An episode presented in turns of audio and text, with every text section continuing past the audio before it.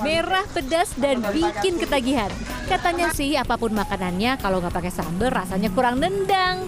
Bahan utama yang digunakan dalam pembuatan sambal adalah cabai rawit dan cabai merah.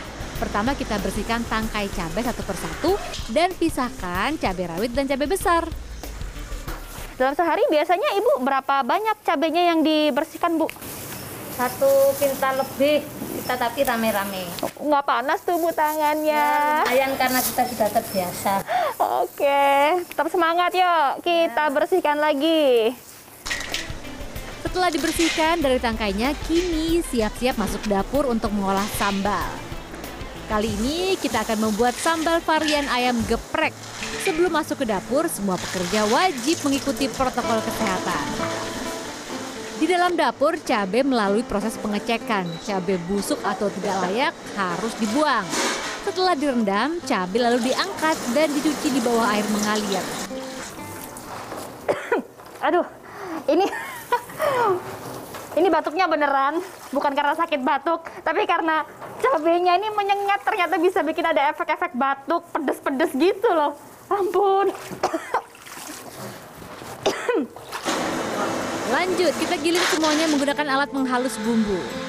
Setelah halus, masukkan cabai rawit dan cabai merah ke dalam alat pengering.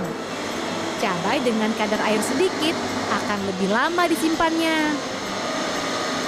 Setelah semua dikemas, kini saatnya memasang label sambal sesuai varian. Eh, kita memang punya komitmen karena pasar sambal ini adalah untuk menengah ke atas, sedangkan para customer itu customer itu menyukai barang-barang produk yang berkualitas.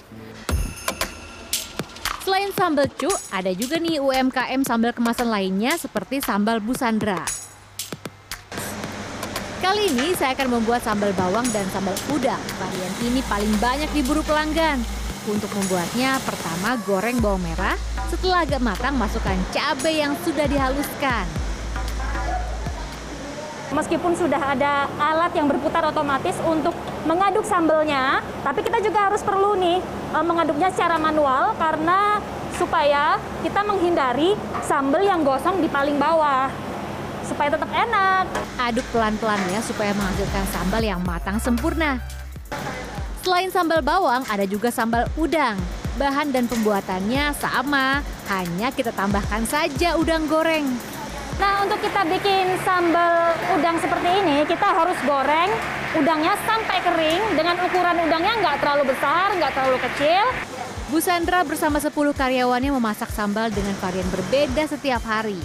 Tiap varian biasanya membutuhkan kurang lebih 15 kg cabai rawit.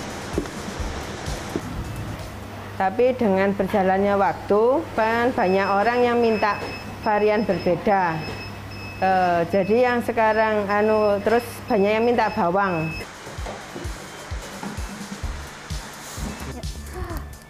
Pak, silakan dibawa Pak. Terima kasih, hati-hati Pak. Ah sekarang saya jadi lapar, saya jadi pengen untuk makan sambal. Odi Cornelia, Heru Dwi Sudarmanto, Surabaya, Jawa Timur.